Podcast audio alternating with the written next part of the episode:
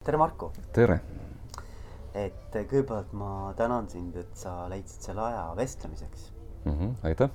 sind nüüd tutvustades võib-olla siis ma ütleks niisugused nagu mõned märksõnad ja sa võid pärast ise nagu täpsustada. et äh, sa oled äh, ühelt poolt koolitaja äh,, teiselt poolt coach ja siis ka strateegiakonsultant. ja sa töötad täna ka EBS-is äh, õppejõuna ja oled oma doktoritöö teinud St Gallenis siis strateegia valdkonnas, juhtimisvaldkonnas. et kas on midagi veel, mida sa tahaksid nii-öelda enda kohta äh,, et inimesed teaksid mm? -hmm. kes on Marko Rillo ähm,? ma arvan, et ma olen keegi, kellele meeldib äh, eksperimenteerida ja, ja see on üks nendest asjadest, et mis on minu valikuid töö tegemiste osas lihtsalt noh, illustreerinud hästi suuresti, sest et äh, mulle on meeldinud põhiliselt sellised asjad, kus ma olen saanud mingisuguseid uusi asju pidevalt katsetada. ja, ja üks nendest teemadest, noh, võib-olla sinna sinu nimekirja veel võiks juurde lisada, on teemad, mis seonduvadki mängimisega, mängulisusega. mängimine töökohal, mängimine töökohalt väljas, kuidas mäng meid kujundab kui inimesi. ja üks nendest vahvatest mängulistest asjadest, et millega mulle väga meeldib ise tegeleda, on see, et, et Äh, on, on Lego ja Lego klotsid, et ma mm, ma annan väga sageli inimestele nii väiksemas kui suuremas seltskonnas Lego klotsid kätte ja palun neil Lego klotside abil kuidagi iseennast määratleda või enda mm, tulevikku määratleda või siis enda tiimi mõtestada või mingit probleemi lahendada või siis strateegiat koostada. Ja, ja tegelikult see kõik tuligi sellest, et kui ma mingil ajal äh, mõtlesin selle peale, et kuidas äh, strateegiatööd natukene huvitavamaks muuta, siis koos oma ühe sõbraga, kelle nimeks on Egert Valmra, kui me eksperimenteerisime TTÜ tudengitega ja erinevate firmade juures, et noh, et missuguseid tööriistu võiks küll kasutada, siis jõudsimegi ühel hetkel Lego klotside juurde. Ja no ongi olemas selline metoodika, mille nimetuseks on Lego Serious Play. Ja Lego tõsine mäng teisisõnu siis on tänaseks juba olemas olnud ähm, umbes kakskümmend aastat, millega me siis alguses eksperimenteerima hakkasime tudengite juures ja siis läksime firmadesse ja ja ühel hetkel tundus, et see on nagu päris huvitav asi ja, ja see mind ühtlasi ka juhtis tegelikult doktoritöö juurde, sellepärast et üks mu doktoritöö juhendajatest, mul oli neid kaks, oli samamoodi omal ajal tööl Imagination Labis Šveitsis ja Imagination Lab oligi see, et, et kus tegelikult sellega hakati eksperimenteerima. Imagination Labis Lego Serious Play metoodika töötatigi välja ja siis seesamane doktoritöö juhendaja Klaus Jakobs tegelikult juhendas mind päris tõsiselt, et kuidas on võimalik eksperimenteerimist strateegiatöösse tuua, kuidas mängu võimalik strateegiatesse nagu lisada. kuni siis ühe hetkeni, kus ma käisin ka läbi vastava sertifitseerimise Lego peakontoris, nii et noh, ma olen paberitega Lego mängija ja, ja peale seda ma olengi seda noh, tegelikult väga palju erinevates projektides kasutanud, et noh, heal juhul võib öelda isegi nii, et, et kusagil kolmandik minu tänastest töödest on kuidagi seotud mängimisega või siis legoklotsidega, nii et noh, ma panengi inimesi mängu kaudu avastama seda, et mida nad iseenda kohta tegelikult ei tea. väga kihvt jah, et, et kas see mõte seal taga on siis ma hakkan kohe sealt kerima. et kas see mõte seal taga on see, et, et inimestel on kergem äh, väljendada ennast läbi, läbi sellise nagu ütleme siis äh, mingite kujundlike klotsidega mäng, mängides nii-öelda tuleb see tema selline äh, kujutlusvõime paremini välja, kui siis lihtsalt abstraktselt rääkides sellest mm,. jah, see ongi tõenäoliselt kõige lihtsam viis seda kirjeldada, et Lego ja noh, mäng üleüldse on kommunikatsioonivahend. et tavaliselt me oleme harjunud sellega, et, äh, et me kommunikeerime sõnade abil et meil on verbaalne kommunikatsioon. Ja me vaatame üksteistele otsa ja siis meil on natukene selle, seda kinesteetilist kommunikatsiooni, et me näeme, et kuidas meie keha liigub ja kuidas, mida meie kehakeel meile ütleb. ja, ja noh, selleks, et nagu sõnumid võimalikult hästi pärale jõuaks, me kasutame väga sigel, sageli ka visuaalset kommunikatsiooni, et noh, me paneme mingisugused kujundid, paneme PowerPointi, vaatame mingisuguseid graafikuid, et tegelikult kui me lisame sinna sellesamase mängu, siis tegelikult mängus on kõik need kommunikatsioonivormid ühes kohas olemas et kui ma ütlen näiteks, et äh, no nii, sõbrad, et palun meisterdage Lego klotside abil enda arusaam mismoodi teie tiim tänasel hetkel tegutseb mm. -hmm. Ja igalühel on kõigepealt individuaalselt noh, niimoodi viis minutit aega meisterdadagi klotside abil see enda arusaam enda tiimi toimimisest. Ja, ja peale seda on räägivad kõikidele ülejäänutele, et ahah, ma meisterdasin siin need asjad, need klotsid said üksteise külge, siis teistel on võimalik esitada küsimusi selle kohta, et ahaa, et miks sa niimoodi tegid ja miks just mitte seda ja miks teist. ja tegelikult selle käigus on suhtlemine palju sügavam. Ja inimesed saavad üksteise mõtete kohta palju rohkem teada, sellepärast et tegelikult Lego klotsidega nad meisterdavad just nagu enda mõttekaardid, mida neil muidu noh, on tegelikult väga raske noh, üksteise kohta aru saada. see on nagu mõnes mõttes niisugune metafoor elule, et, et, et kuidas tegelikult elu tiimis käib, eks ole. jah, ja ta on, ta on kindla peale, seal, seal on metafoorid on hästi oluline osa sellest, sellepärast et noh, tegelikult me proovime kasutada sellist illustratiivset keelt ja meil metafoorid aitavad siin kindlasti seda, seda edasi anda. aga ta on palju sügavam, sellepärast et kui ma lihtsalt ütlen seda, et noh, et, et minu arusaam meie kliendi väärtustest on ja siis ma ma panen sinna ritta terve, terve rida selliseid märksõnasid, et noh, et, et me oleme nagu kliendisõbralikud ja et, et me oleme efektiivsed ja me teeme alati seda, mida me lubame kõike sellised, et siis need tunduvad olevat kõlavad sõnad, aga kui ma näiteks meisterdangi noh, näiteks selle sümboliks seal kassi või panen, et noh, et, et seal juures on mingisugune laud, kus, kus siis serveeritakse asju ja ma räägin sinna juurde muuhulgas selle loo, siis on see palju sügavam mm. kui see tegelikult see sõna, et mis ma ütlesin, et noh, et me oleme kliendisõbralikud lihtsalt ainult ühe sõnaga. ja, ja noh, selliseid vahvaid huvitavaid lugusid on aastate jooksul nagu palju tulnud. Et üks selliseid, et noh, et, et mida äh, mida klient lubas rääkida, et noh, et see oli lihtsalt niivõrd markantne näide, oli, sündis Eesti Energias kus kõigepealt me tegime erinevaid arusaamu sellest, et kuidas organisatsioon välja võiks näha. Ja noh, Lego klotsidega mitmed inimesed siis meisterdasid näiteks äh, taastuvenergia mingisuguseid asju, et, et tuuleveskid ja, ja äh, päikese äh, jaamad ja, ja Estlink üks, kaks, kolm ja, ja kuidas Kuveidi turult proovitakse siis põlevkivi kaevandada ja kuidas seda põlevkivi teadmist viiakse kuhugile laia maailma. no väga sellised komplekssed äh, maastikud. ja siis üks pisike tiim võttis ja meisterdas ühe hiiglasuure põlevkivikarjääri ja pani sinna kõrvale ainult kaks väikest Lego, Lego klotsikest ja ütles, et see on ülejäänud Eesti Energia ja kõik ülejäänud vaatasid neile otsa, et, kas päriselt või, et nii nagu, nii nagu mõistategi. Ja nad ütlesid jah, loomulikult, et et üheksakümmend protsenti meie rahast tänasel hetkel tulebki põlevkivi kaevandamisest, et noh, kõik see muu see, millest te ka siin räägite, et noh, et, et see on natukene tilulilu seal kõrval. Ja, ja, ja noh, vaadatigi üksteisele otsa, et noh, et, et nii ongi või? Ja ja tegelikult selle käigus siis hakatigi mõistma, et tegelikult see, et, et mismoodi ühes või teises organisatsiooni osas me mingitest väga olulistest asjadest aru saame, võibki olla mõningal juhul väga erinev. ja see, et, et ta on väga erinev, tegelikult see ongi meie rikkus ja, ja tegelikult, et kui me proovime nendest väga erinevatest arusaamadest siis luua selle ühtse pildi, siis tegelikult me saame kõigepealt esimeseks üksteisest paremini aru. me saame paremini aru, et kuhu me tegelikult enda prioriteedid paneme ja, ja kui me muidu nagu sõnades räägime, meile tundub, et kogu aeg samadest asjadest, et siis sellesamase erisuse rikkuse abil meil on võimalik ka noh, enda organisatsiooni nagu palju tugevamaks kujundada. et ja noh, selliseid erinevaid näiteid, et kus nagu mäng on inimesi avanenud ühel või teisel moel, et neid on, neid on hästi palju. see on väga kihvt jah. ma just mõtlesin, et, et näiteks, et ka selliste oluliste ühiste teemade läbirääkimisel, näiteks väärtuste, noh, ettevõtte põhiväärtuste läbirääkimisel, et kuidas üks või teine neist aru saab, sest et tegemist on abstraktsete mõnes mõttes abstraktsete mm, kontseptidega, eks ole. et kuidas sa siis nagu päriselus neist aru saad ja kui sa pead siis sellest nii-öelda mingisuguse sellise Lego põhise mingisuguse noh, reaalse asja valmis meisterdama, siis ma arvan, et see võib väga kõnekas olla. et, et, et neil on, ma arvan, et hästi palju sellist äh, praktilist väärtust aga räägi, mis, mis sinu arvates on nagu juhtimise juures oma kogemuse põhjal nagu, mis, mis on sellised asjad, mis sul on silma jäänud, et, et kus nagu juhtidel on raske kas ennast väljendada või, või, või ennast selgeks teha või, või, või oma sellist arusaamist noh, muul moel väljendada?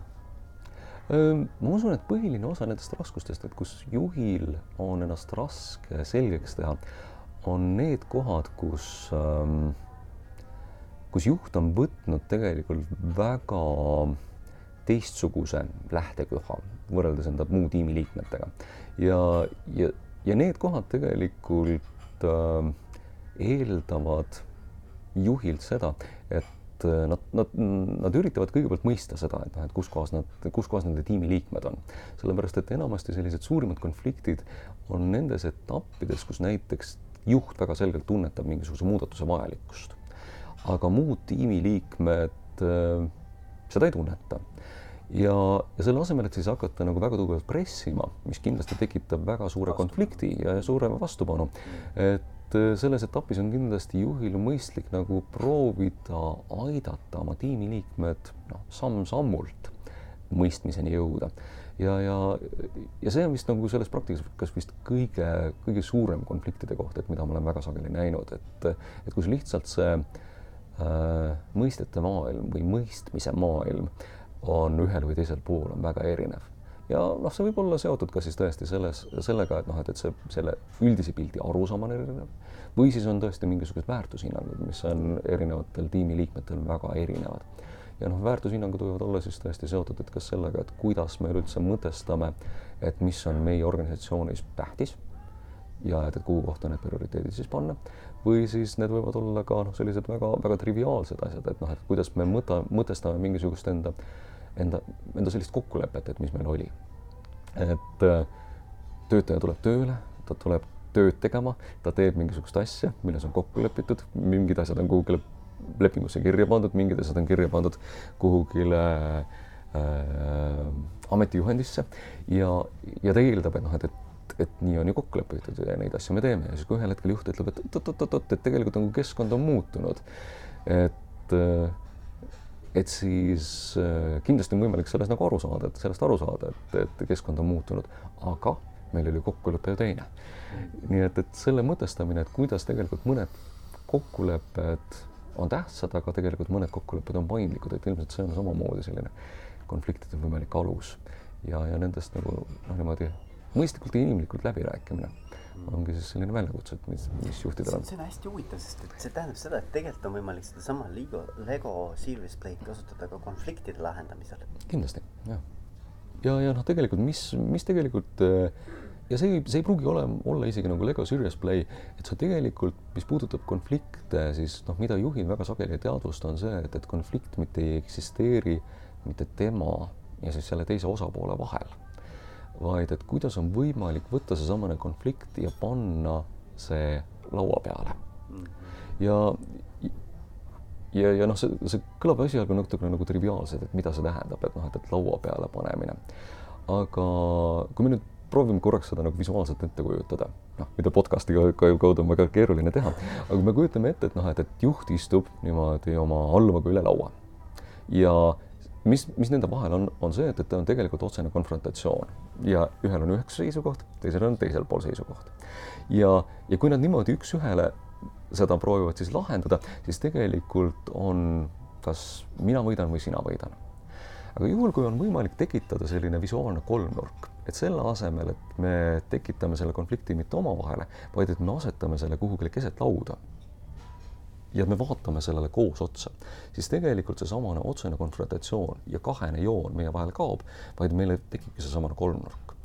ja me võime tõesti sinna kolmnurga sellesse kolmandasse tippu asetadagi näiteks Lego klotsid, aga me võime siis asetada ka tõepoolest, et me teeme sinna lihtsalt mingi paberist nimekirja, et me koos vaatamegi, et milles tegelikult probleem seisneb mm.. sina vaatad, mina vaatan ja me ühiselt koostame seda nimekirja ja me proovime selle läbi mõelda. ja, ja hetkega on meil tegelikult konflikt depersonaliseeritud ja meil on see konfrontatsioon kadunud ja me ühiselt vaatame seda, et noh, et kuidas seda lahendada. ja siis me vaatame mõlemad seda, et noh, et mismoodi sellega hakkama siis saada. ja, ja jällegi üks selline väga lihtne tööriist, võta seesama konflikt iseenda ja alluva vahelt ära ja pane see kuhugile kolmandasse kohta, laua peale, seina peale. Ja tegelikult sul on võimalik liikuda hoopis teise kvaliteeti teise inimesega suhtlemisel. Mm.. et see kaob nagu selline nagu isik, isiklik selline nii-öelda, ütleme, et see ei lähe nagu isik, see ei ole nagu isikutevaheline teema enam, vaid see on mingi asi, mis on mõnes mõttes, ta võib ka joonistatud olla, eks ole. et ta on kuskil nagu täiesti kolmandas kohas nii-öelda mõnes mõttes nagu mingi röntgenpilt, eks ole mm. -hmm. nii nagu me näeme või noh, üks või teine pool näeb, eks ole. just päris väga huvitav mm. -hmm. Ähm, kui palju sa üldse näed, et, et, et tegelikult võiks sellist mängulisust igapäeva juhtimises rohkem kasutada, et, et, et ma, ma ei ütleks, et seda liiga palju kasutatakse mm. -hmm mul on kõigepealt üleskutse, et noh, et, et kõik, kes nüüd Veiko podcast'i kuulavad ja, ja noh, kust, kust te leiate, noh, et, et teil on kas mängulisust nagu piisavalt, et noh, et jagage enda lugusid ja jagage, jagage enda case'e, et noh, et, et see oleks nagu huvitav vaadata, et noh, et mida see, mida te siis tegelikult teete. ja aeg-ajalt, kui ma nagu inimeste käest olen küsinud, siis tegelikult inimesed räägivad küll oma lugusid, et kuidas nad näiteks noh, reedeti on koogi söömine töökohas ja siis muuhulgas köögi söömise kõrvale mängitakse mingisugust väikest seltskondlikku mängu, tund või kaks, et noh, et tegelikult lihtsalt mõte tööst eemale saada. ja see seltskondlik mäng võib olla noh, midagi väga lihtsat, et noh, et, et me teemegi mingisuguse lõbusa aliase versiooni sellest, et noh, et, et seletame mingisuguseid huvitavaid asju, teeme mingisuguse huvitava bingo, et lihtsalt tegelikult nagu pinget ja stressi vähendada. et noh, et, et see on üks võimalus, et mismoodi mängulisust kasutada. teine võimalus, mismoodi nagu mängulisust tuua mängu, on nendes kohtades, kus on tarvis natuke eksperimenteerida või uusi ideid välja genereerida.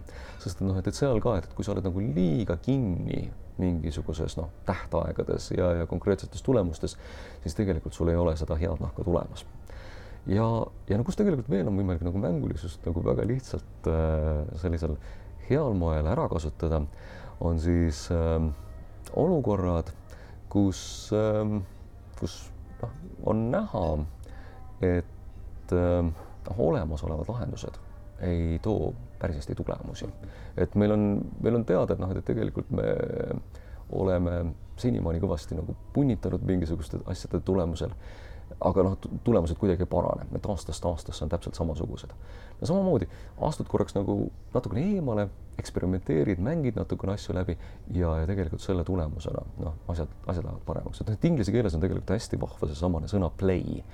Et äh, et kui sa saad näiteks uue telefoni endale ja sa ei tea täpselt, et kuidas ta töötab, siis inglise keeles öeldaksegi, et I play with it. ole. väljendan, et ma mängin, ma mängin sellega ja noh, peale seda, kui ma natukene olen mänginud sellega, siis ma tegelikult õpin seda tundma. et noh, et mäng on üleüldiselt äh, üks kõige olulisemaid õppimise aluseid. et inimene õpib läbi mängu et mille, mingi, mis iganes uus asi, et noh, et mida me katsetame, et noh, et tegelikult selline äh, tööstusajastu arusaam koolist enam ei kehti, et me istume kõik klassiruumis ja siis õpime uusi asju. tegelikult äh, mida rohkem meil on võimalik tegelikult mängulisust tuua sellisesse igapäevaellu, seda rohkem me tegelikult oleme võimelised õppima mingisuguseid uusi asju, nii et noh, tegelikult on selline, selline uus ja oluline teema, et noh, et mida, mida või noh, tegelikult ära unustatud vana, et, et mida võiks rohkem nagu kasutada. lihtsalt ma arvan, et sealjuures on lihtsalt see nüanss, et, et paljud võib-olla ei näe sellises tõsises sellises töökeskkonnas, eks ole, et, et, et kuivõrd nagu selline mäng või mängulisus üldse sobib sinna mm. -hmm. et, et noh, kas sa oled seda tundnud nagu, et, et, et, et see nagu eeldab mingit sellist natukene avaramat sellist noh, nagu, et, et sa oled avatud niisugustele lähenemistele, et et on sul olnud näiteks ka mingid kokkupuuted, kus küsitaksegi, et noh, et, et umbes, et, et kas, kas see, kas see ikkagi sobib nagu? okei okay. um, tegelikult jah ja ei, sellepärast et enamasti need, kes minu juurde tulevad juba selle sooviga, et nad tahavad midagi uut teha, nad äh, juba definitsiooni kohaselt on avatud sellele, et mm. nad tahavadki midagi uut eksperimenteerida. ja, ja ma ütleksin selle kohta nii, pigem niimoodi, et ähm, natukene provokatiiv, provokatiivselt, et, et kas tegelikult äh, on firmades luksust mitte mängida et, et see on luksus, kui sa tegelikult sunnid nagu enda tegevuse niivõrd tõsiseks, et, et sa ei luba, sa ei luba inimestel mängida. ja, ja noh, ma, ma nagu selle provokatiivse väite tõestuseks ma tooksin nagu paar näidet. Et, et esimene näide, noh, mida on võimalik siis nagu uuringute najal näidata, on see, et, et kui nagu inimene on mängust täiesti ära lõigatud, siis tegelikult selle tulemuseks ongi stress ja antisotsiaalne käitumine. sest et et kui, kui on uuritud kõikvõimalikud neid tegelased, kes on mingisugustes tegevustes süüdi mõistetud, siis enamasti tihti on nende probleemiks täpselt see, et kas lapsepõlves nad ei ole saanud piisavalt mängida või siis nagu täiskasvanupõlves neil ei ole piisavalt seda ruumi antud mängimiseks.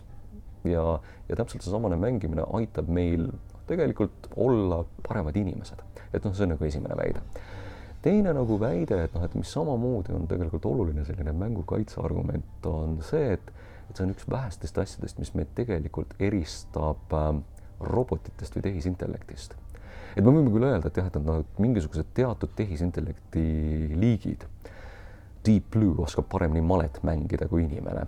Või IBM-i Watson saab paremini Jeopardy mängus hakkama inimeste vastu juba, et noh, et on teatud liik reeglite keskseid mänge, et kus tehisintellekt ja robotid muutuvad inimestest paremaks, sellepärast et seal on ette antud reeglid. aga see, mis puudutab nagu tavalist eksperimenteerimist, et siis see on tõenäoliselt see koht, et kus me veel mitmeid aastakümneid oleme robotitest paremad. et sihuke loovus, loovust nad ikkagi täna veel nagu ei võida, eks? no loovuses nad meist veel jagu ei saa. et noh, et kui me räägime sellest, et noh, et mismoodi üleüldse meie maailm liikumas on, et siis noh, kümne aasta pärast, kahekümne aasta pärast on tõenäoliselt enamik autojuhti töötud, sellepärast et noh, neid äh, isesõitvad masinad võtavad lihtsalt nende töö ära või noh, kassapidajad või siis äh, letiteenindajad Äh, kes töötavad kusagil kiirtoiduasutustes või siis kauplustes, need asendatakse kõik tegelikult robotitega.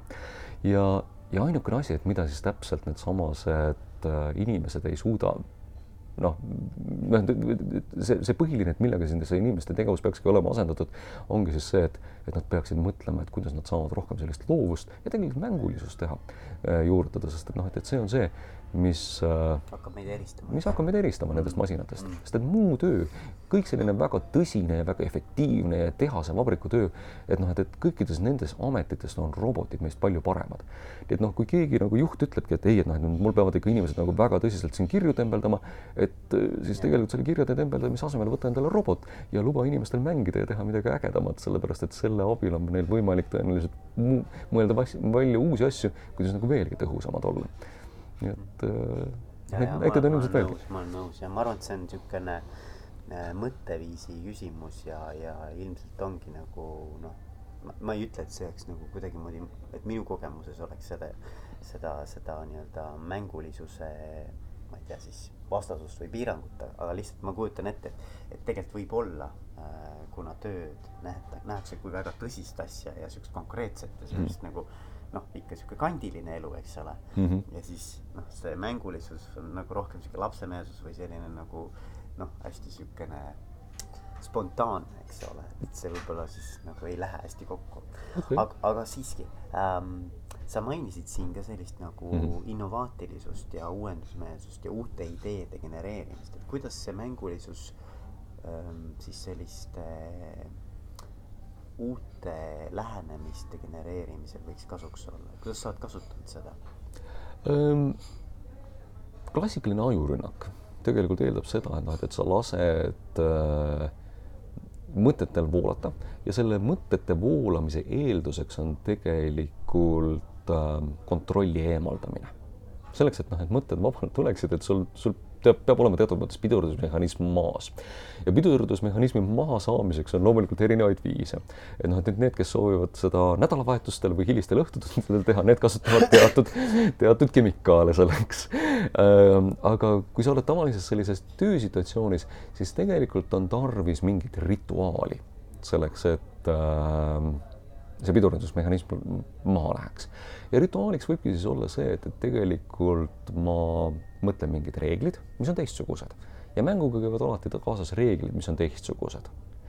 ja, ja mänguolukorda asetamisel tegelikult on võimalik inimesed siis nendesse reeglitesse panna. ja no sellised väga klassikalised näited, et noh, et, et mida rahvusvaheline töö on mulle andnud, et äh, kui on olemas näiteks mingid väga selged rahvused, kus see minapilt on hästi oluline, kui minna just nimelt Aasiasse, siis seal Hiinas, Jaapanis, Singapuris on väga tähtis, et näed, et see, et, et kuidas mind väljaspool nähakse, on, on väga tähtis mm. -hmm. aga kui öeldagi, et see on nüüd mänguline situatsioon, me nüüd mängime seda, siis inimesed tegelikult muudavad hetkega enda seda suhtumist. et on väga lõbus on vaadata just nimelt, et noh, et, et, et muidu hiinlane peab arvamust avaldama, aga kui nüüd me ütleme, et ei, see on nüüd näidend, et sina oled nüüd, sa ei ole mitte see, et, et keda sa, kes sa, keda sa nüüd nagu igapäevaselt tööl teed, vaid et nüüd sa mängid äh, mingit rolli. Ja sinu roll on see. Ja, ja peale seda, et kui öeldagi talle noh, et, et tal on nüüd see roll, siis tegelikult ongi võimalik nendes kultuurides väga selgelt näha, et kui vabastav see on ja, ja kuidas nad hakkavad hoopis nagu teisi asju tegema ja kuidas nad tegelikult väga vabalt ennast väljendavad ja hoopis teises kohas. Ja, ja, ja noh, võib-olla me siin mm, Euroopas ei tunneta seda noh, igapäevaselt, et meile tundub, et me räägime nii ehk teisiti kogu aeg nagu, et noh, et, et mis, mis meil peas on ja mõttes on ja, ja me oleme avatud ja ikka otsekohesed. et et tegelikult me ikkagi ka tsenseerime ennast üsna palju. ja, ja, ja kui nagu väga selgelt öeldagi, et noh, ei, nüüd me oleme mängulises olukorras, siin on teatud reeglid, siis tegelikult inimesed hakkavad ka teistmoodi käituma mm. -hmm. et kui see on lubatud nagu. kui see on lubatud. Nagu ground rules on paigas, siis, siis põhimõtteliselt inimesed tulevad sellega väga meelsasti kaasa. just, just, just. ja, ja see pidurduse mahavõtmine, kas tähendab siis seda, et tegelikult meis on kõik see uudsus enda sees olemas? me lihtsalt ei suuda seda nagu kuidagimoodi kätte saada, ilma et meil oleks äh, siis tekitatud selline vastav keskkond või? no ma päris sajaprotsendiliselt ei nagu ei julge väita, et meil kõigil kõigil see olemas on, et noh, et, et mul on ka olnud selliseid näiteid noh, võib-olla ähm, ma kõigepealt julgustaksin, et noh, et, tõenäoliselt paljud need inimesed, kes arvavad, et neil seda olemas ei ole, et neil tegelikult on see olemas, aga no võib-olla kusagil tuhandest inimesest võib-olla viis on sellised, et kelle puhul ma vaatan, et noh, et, et jah, neist sellisel kujul seda ei ole noh, võimalik välja leida, et noh, põhjus võib olla selles, et nad on selle tõesti endale kuhugile niivõrd sügavale ära peitnud ja ennast sellest siis välja õpetanud, et neil on väga ebamugav sealt välja tulla. et jah, teatud hulk neid inimesi siiski on, aga neid on nagu väga-väga-väga-väga vähe. aga mängulisus selles mõttes eeldab ikkagi seda, et sinus endas on need kõik need ideed juba olemas, et, see mäng ise ei loo, genereeri uusi ideid, vaid see on ikkagi, tuleb sinu seest. et mõnes mõttes see on ainult nagu kanal, mille kaudu sa siis väljendad seda, mis sa näed, kuhu ma tahan nagu jõuda, ma tahan, tahakski aru saada, et, et kas inimestes tegelikult on kõik see loovus nagu sisuliselt on ta siin kuskil olemas, sa pead lihtsalt selle katla avama ja, ja ma, ma, ma ei, ma ei julge sellele küsimusele vastata, sellepärast et ma tegelikult ei tea et kus kohas see täpselt on. et, et väga sageli, kui need mängud noh, leiavadki aset tiimis, siis tegelikult on väga raske aru saada, et kuskohast see siis nüüd täpselt välja tuli, et kas see tuligi välja nüüd ühest inimesest, et tema sees oli see asi olemas või see tuli välja nüüd kuidagi sellest, et noh, et, et mingisugune seltskond inimesi üheskoos äh, mingit asja looma hakkas. Ja siis tegelikult see ongi mingisugune ühine näide, et omavaheline selline keemia, mis, mis, mis siis käivitab nendest, et noh, et, et kui, et, et, et selle paralleelina võiks korraga küsida, et noh, et, et igasugused sellised klassikalised komöödiatrupid, et kes on väga loovad, Monty Python seltskond. et, et kas seal küsimus oli selles, et seal oli nagu üks-kaks sellist geeniust, et kes nagu kirjutasid noh, neid väga häid tekste, noh, John Cleese ja kelles, kelles on lihtsalt see sees olemas. Või et kui palju tegelikult sellest samasest nende geeniusest tuligi selles omavahelises noh, arutelus välja, et kui palju nad üksteist mõjutavad. kui palju nad üksteist mõjutavad ja seeläbi tegelikult nagu tekitavad seda, seda loovat geeniust. ilmselt, ilmselt on see segu. aga kihvt on muidugi see, et, et iga kord, kui sa seda lähed tegema mingi erineva seltskonnaga, ma usun, et sa tunned, et, et kindlasti sealt tuleb midagi, et sul ei ole nagu seda, et, et ma ei tea, kas me täna jõuame kuhugi või, või kas täna on mingisugune selline kas inimesed tunnevad, et sellest on olnud nagu kasu, on see tulemuslik olnud, selline sessioon? Mm. ma ei tea, kuidas sa oled nagu tunnetanud seda, et tulemuslikkus tegelikult sõltub hästi paljuski sellesamas sessiooni kõigepealt ootustest, et noh, et mismoodi me selle üldse paika paneme. ja teisest küljest see sõltub hästi palju sellest, et kui palju me võimaldame selleks aega. et selleks, et tegelikult äh, mängust noh, sünniks tõesti tulemusi siis peab sinna noh, piisavalt vähe ja piisavalt palju aega andma. sellepärast, et ühest küljest piisavalt palju sellepärast, et inimestel on tarvis piisavalt palju seda struktureerimata aega, et, et üleüldse vabadus noh, välja tuleks. et kui sa pead nagu vaatama iga hetk kella, et, et okei okay,, et noh, et millal nüüd järgmine telefonikõne on, et siis tegelikult sa hakkad jälle iseennast piirama. aga teisest küljest, et kui seda aega on jälle liiga palju, siis inimene muutub laisaks.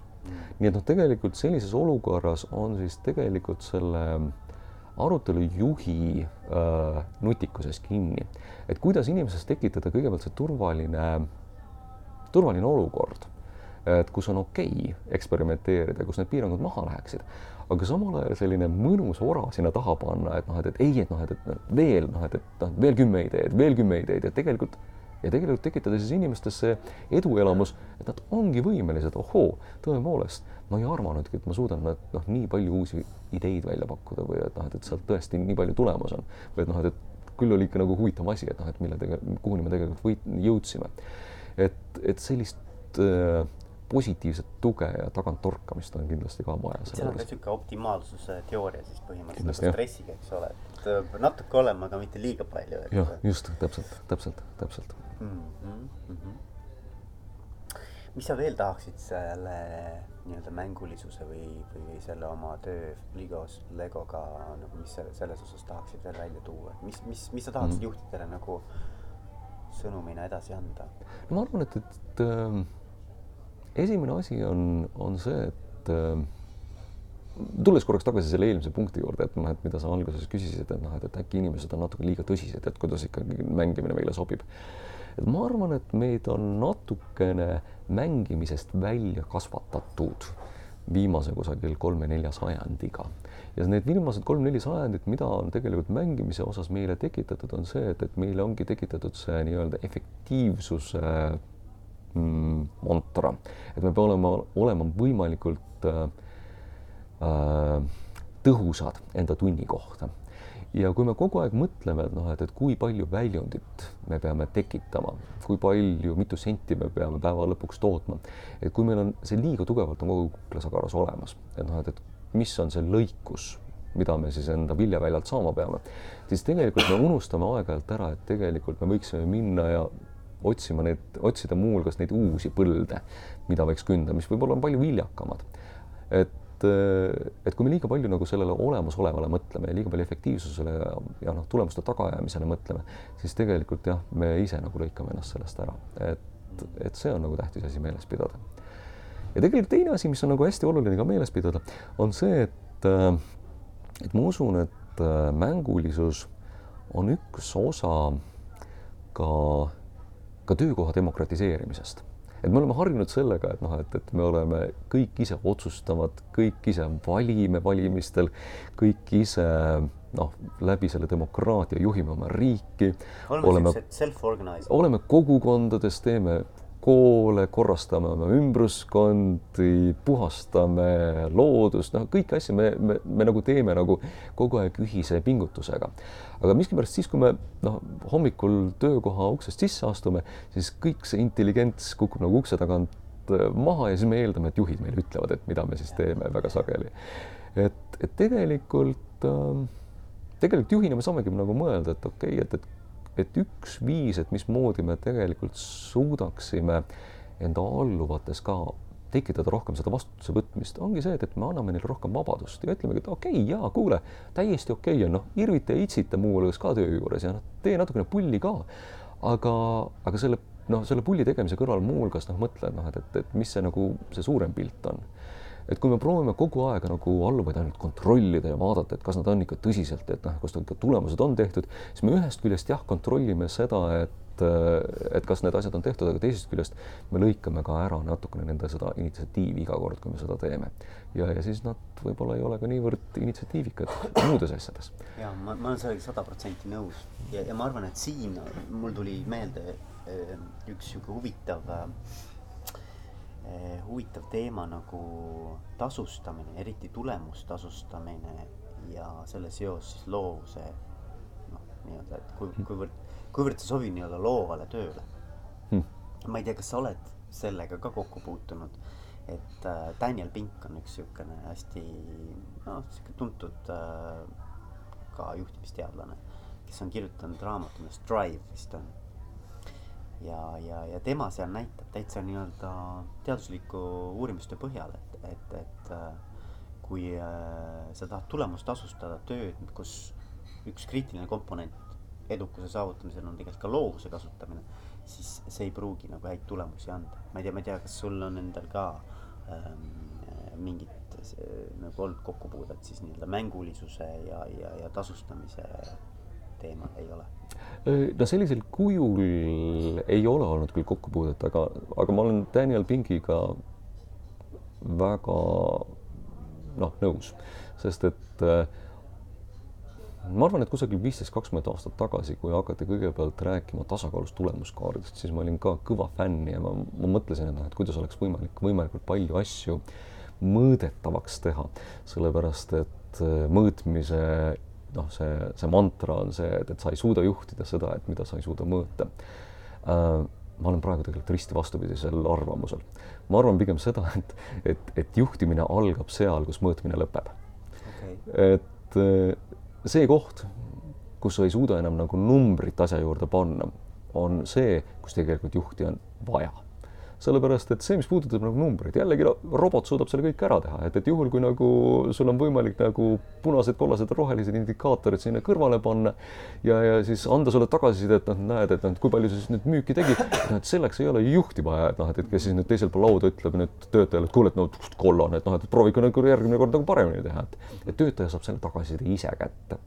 aga, aga see koht, et kus sa enam ei suuda nagu mõõta asjadega, kui sa enam ei suuda nagu tulemustasusse asja arvestada, see on see koht, et kus tegelikult juhti üleüldse on vaja. et see on isegi palju laiem kui puhtalt ainult mängimine või, või puhtalt selline, et äh, et seal on tarvis juba seda siis juhi tarkust, et okei okay,, et kui sa näed. intelligentsus tuleb täpselt, et kui, kui nagu sa näed, et noh, et inimesel nagu silm ei sära enam, et noh, et mida sa siis teed täpselt, kui sa näed, et noh, et kusagil on tekkimas mingi konflikt osapoolte vahel, et kuidas sa seda tegelikult lahendad, kui sa näed näed, et mingi klient ei ole enam rahulolev, et noh, et mismoodi sa sellega tegeled, kui sa näed, et noh, näed, et erinevad aktsionärid soovivad saada sinu käest erinevaid eh, tulemusi ja, ja, ja et noh, et need, suunad liiguvad eile erinevale poole, jällegi noh, et sinu nutikus või et noh, et, et organisatsioonis on tekkimas mingisugused noh, vastandlikud sihid strateegiat tuleb hakata seadma, et noh, tegelikult need on kõik need asjad, et mida sa ei saa otseselt mõõta. see on kõik ikkagi jällegi tunnetuse küsimus, eksperimenteerimise küsimus, et see on kõik see, mis on nagu juhi jaoks ja, ja, ja selline töö, mida, mida juht peaks palju rohkem tegema. kuule, aga Marko, ma arvan, et siinkohal on hea, hea lõpetada meie vestlus, et aitäh sulle mm. -hmm. aitäh. aitäh